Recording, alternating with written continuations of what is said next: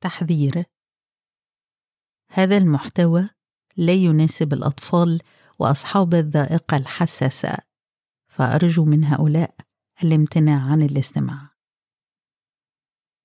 ورق أصفر بودكاست من إعدادي وقرايتي نهى البياري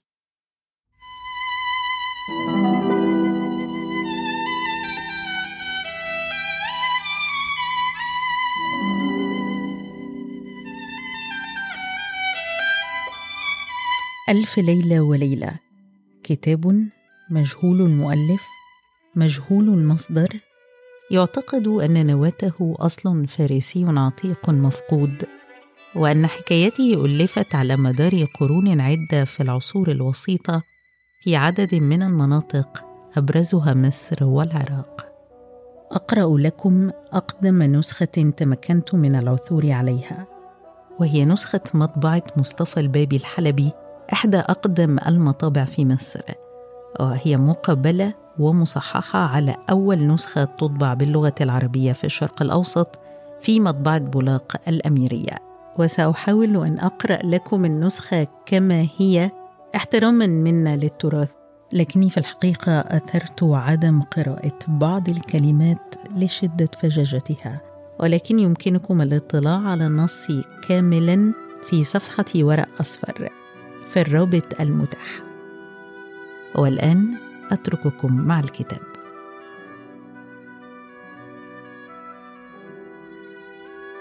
فلما كانت الليلة الرابعة عشرة قالت بلغني أيها الملك السعيد أن صعلوك قال للصبية يا سيدتي ثم إن بنت الملك أخذت بيدها سكينا مكتوبا عليها أسماء عبرانية يا سيدتي. ثم إن بنت الملك أخذت بيدها سكينا مكتوبا عليها أسماء عبرانية وخطت بها دائرة في وسط القصر وكتبت فيها أسماء وطلاسم وعزمت بكلام وقرأت كلاما لا يفهم. فبعد ساعة أظلمت علينا جهات القصر حتى ظننا أن الدنيا قد انطبقت علينا. وإذا بالعفريت قد تدلى علينا في أقبح صفة بأيد كالمداري ورجلين كالصواري وعينين كمشعلين يوقدان نارا. ففزعنا منه فقالت بنت الملك لا أهلا بك ولا سهلا. فقال العفريت وهو في صورة أسد يا خائنة كيف خنت اليمين؟ أما تحالفنا على أنه لا يتعرض أحد للآخر؟ فقالت له يا لعين ومن أين لك يمين؟ فقال العفريت خذي ما جاءك ثم انقلب اسدا وفتح فاه وهجم على الصبية. فأسرعت وأخذت شعرة من شعرها بيدها وهمهمت بشفتيها. فصارت الشعرة سيفا ماضيا وضربت الأسد فصار نصفين. فصارت رأسه عقربا وانقلبت الصبية حية عظيمة. وهمت على هذا اللعين وهو في صفة عقرب فتقاتلا قتالا شديدا ثم انقلب العقرب عقابا فانقلبت الحية نسرا وصارت وراء العقاب واستمرت ساعة زمنية ثم انقلب العقاب قطا أسود فانقلبت الصبية ذئبا فتشاحنا في القصر ساعة زمنية وتقاتلا قتالا شديدا. فرأى القط نفسه مغلوبا فانقلب وصار رمانة حمراء كبيرة ووقعت تلك الرمانة في بركة. فقصدها الذئب فارتفعت في الهواء ووقعت على بلاط القصر فانكسرت وانتثر الحب. كل حبة وحدها وامتلأت أرض القصر حبا. فانقلب ذلك الذئب ديكا لأجل أن يلتقط ذلك الحب حتى لم يترك منه حبة. فبالأمر المقدر تدارت حبة في جانب الفسطيه فصار الديك يصيح ويرفرف بأجنحته ويشير إلينا بمنقاره ونحن لا نفهم ما يقول ثم صرخ علينا صرخة تخيل لنا منها أن القصر قد انقلب علينا ودار في أرض القصر كلها حتى رأى الحبة التي تدارت في جانب الفسقية فانقض عليها ليلتقطها. وإذا بالحبة سقطت في وسط الماء الذي في البركة فصارت سمكة وقد غاصت في الماء. فانقلب الديك حوتا كبيرا ونزل خلفها وغاب ساعة. وإذا بنا قد سمعنا صراخا عاليا فارتجفنا. فبعد ذلك طلع العفريت وهو شعلة نار. فألقى من فمه نارا ومن عينيه ومنخيره نارا ودخانا. وانقلبت الصبية لجة نار. فأردنا أن نغطس في ذلك الماء خوفا على أنفسنا من الحريق والهلاك. فما نشعر إلا والعفريت قد صرخ من تحت النيران وصار عندنا في الليوان. ونفخ في وجوهنا بالنار فلحقته الصبية ونفخت في وجهه بالنار أيضا. فأصابنا الشرر منها ومنه. فأما شررها فلم يؤذنا وأما شرره فلحقني منه شرارة في عيني فأتلفها وأنا في صورة قرد. ولحق الملك شرارة منه في وجهه فأحرقت نصفه التحتاني بذقنه وحنكه. ووقعت أسنانه التحتانية. ووقعت شرارة في صدر الطواشي فاحترق ومات من وقته وساعته. فأيقنا بالهلاك. وقطعنا رجاءنا من الحياة فبينما نحن كذلك وإذا بقائل يقول الله أكبر الله أكبر قد فتح ونصر وخذل من كفر بدين محمد سيد البشر. وإذا بالقائل بنت الملك قد أحرقت العفريت. فنظرنا إليه فرأيناه قد صار كوم رماد. ثم جاءت الصبية إلينا وقالت ألحقوني بطاسة ماء. فجاءوا بها إليها فتكلمت عليها بكلام لا نفهمه. ثم رشتني بالماء وقالت أخلص بحق الحق وبحق اسم الله الأعظم إلى صورتك الأولى. فصرت بشرا كما كنت اولا ولكن تلفت عيني فقالت الصبية النار النار يا والدي. أنا ما بقيت أعيش لأني موعودة بالقتل. ولو كان من الإنس لقتلته من أول الأمر وما تعبت إلا وقت فرط رمانة حيث لقدت حبها ونسيت الحبة التي فيها روح الجني. فلو لقدتها لمات من سعته ولكن ما رأيتها بالقضاء والقدر. ولم أشعر إلا وهو أتى وجرى لي معه حرب شديدة تحت الأرض وفي الهواء وفي الماء. وكلما فتح علي بابا فتحت عليه بابا أعظم منه إلى أن فتح علي باب النار. وقل من فتح عليه باب النار ونجا منه. وإنما ساعدني عليه القدر حتى أحرقته قبلي. وكنت أعهد سنة التدين بدين الإسلام. وها أنا ميتة. والله خليفتي عليكم. ثم إنها لم تزل تستغيث من النار وإذا بشرر أسود قد طلع إلى صدرها وطلع إلى وجهها فلما وصل إلى وجهها بكت وقالت أشهد أن لا إله إلا الله وأشهد أن محمدا رسول الله. ثم نظرنا إليها ورأيناها كوم رماد بجانب كوم العفريت فحزنا عليها وتمنيت لو كنت مكانها. ولا أرى ذلك الوجه المليح الذي عمل فيه هذا المعروف يصير رمادا لكن حكم الله لا يرد. فلما رأى الملك ابنته صارت كوم رماد نتف بقية لحيته ولطم على وجهه وشق ثيابه وفعلت كما فعل وبكينا عليها.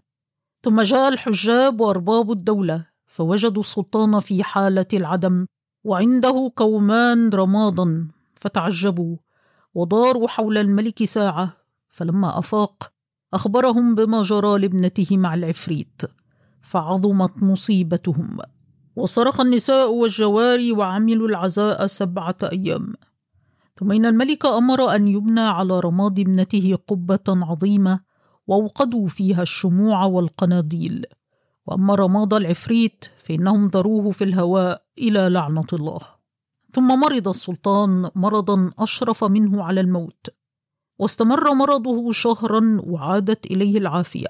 فطلبني وقال لي يا فتى قد قضينا زماننا في أهنأ عيش آمنين من نوائب الزمان.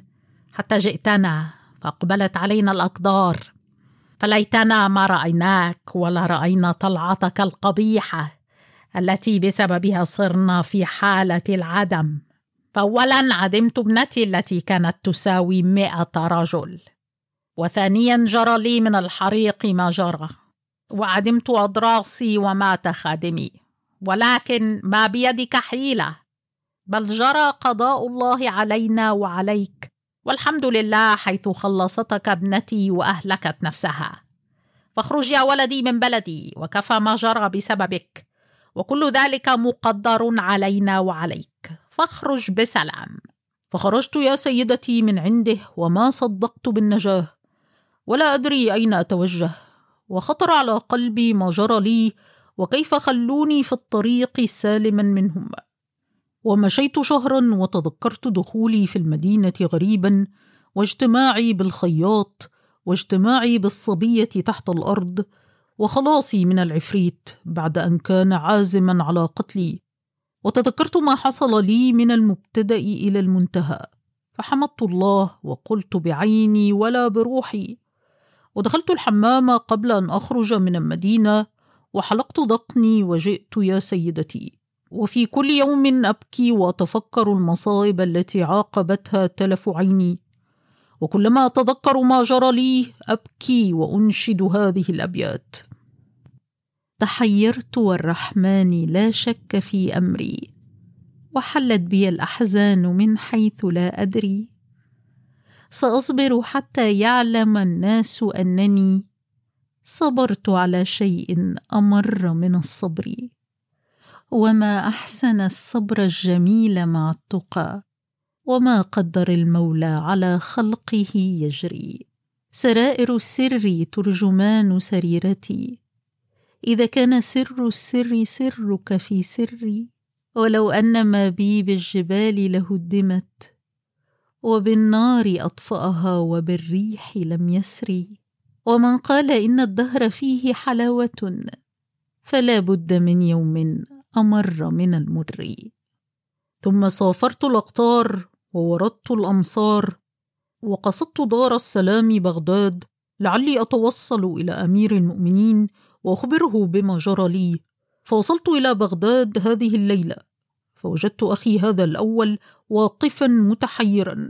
فقلت السلام عليك. وتحدثت معه. وإذا بأخينا الثالث قد أقبل علينا وقال السلام عليكم. أنا رجل غريب. فقلنا له ونحن غريبان وقد وصلنا هذه الليلة المباركة. فمشينا نحن الثلاثة وما فينا أحد يعرف حكاية أحد. فساقطنا المقادير إلى هذا الباب ودخلنا عليكم. وهذا سبب حلق ذقني وتلف عيني. فقالت له إن حكايتك غريبة فامسح رأسك واخرج إلى حال سبيلك. فقال لا أخرج حتى أسمع حديث رفيقي.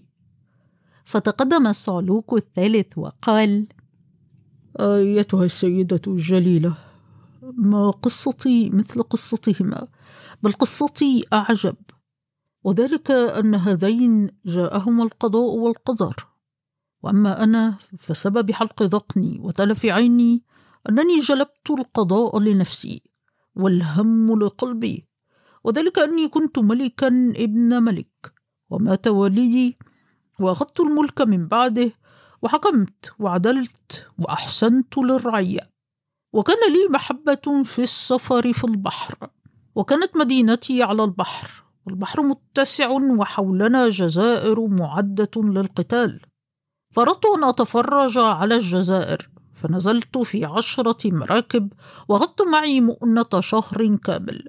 وسافرت عشرين يوما. ففي ليلة من الليالي هبت علينا رياح مختلفة إلى أن لاح الفجر. فهدأ الريح وسكن البحر حتى أشرقت الشمس. ثم إننا أشرفنا على جزيرة وطلعنا إلى البر وطبخنا شيئا نأكله فأكلناه. ثم قلنا يومين وسافرنا عشرين يوما. فاختلفت علينا المياه وعلى الريس واستغرب الريس البحر.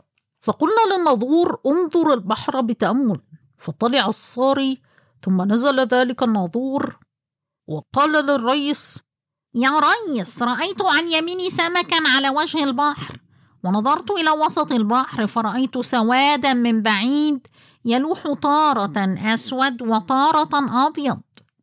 فلما سمع الريس كلام الناظور ضرب الأرض بعمامته ونتف لحيته وقال للناس وابشروا بهلاكنا جميعا ولم يسلم منا أحد. وشرع يبكي وكذلك نحن الجميع نبكي على أنفسنا. فقلت أيها الرئيس أخبرنا بما رأى الناظور. فقال يا سيدي أعلم أننا تهنا يوم جاءت علينا الرياح المختلفة ولم يهدأ الريح إلا بكرة النهار. ثم أقمنا يومين فتهنا في البحر ولم نزل تأهين أحد عشر يوما من تلك الليلة. وليس لنا ريح يرجعنا إلى ما نحن قصدون آخر النهار. وفي غد نصل إلى جبل من حجر أسود يسمى حجر المغناطيس وتجرون المياه غصبا إلى جهته فتتمزق المراكب ويروح كل مسمار في المركب إلى الجبل ويلتصق به لأن الله وضع في حجر المغناطيس سرا وهو أن جميع الحديد يذهب إليه. وفي ذلك الجبل حديد كثير لا يعلمه إلا الله تعالى.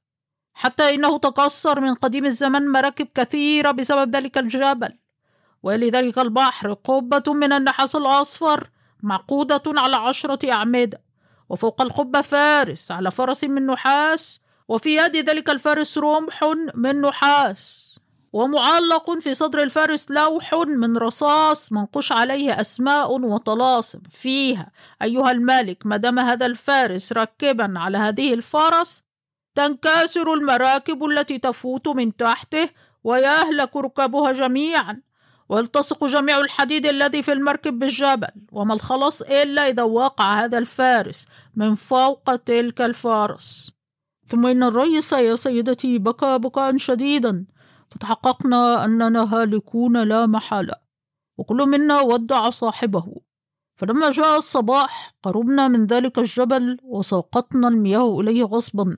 فلما صارت المراكب تحتهم انفتحت وفرت المسامير منها وكل حديد فيها نحو المغناطيس. ونحن دائرون حوله في آخر النهار. وتمزقت المراكب.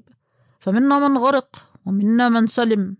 ولكن أكثرنا غرق. والذين سلموا لم يعلموا ببعضهم. لأن تلك الأمواج واختلاف الرياح أدهشتهم. وأما أنا يا سيدتي فنجاني الله لما أراده من مشقتي وعذابي وبلوتي. فطلعت على لوح من الألواح فألقاه الريح والأمواج إلى الجبل. فأصبت طريقا متطرفا إلى أعلاه على هيئة السلالم منقورة في الجبل.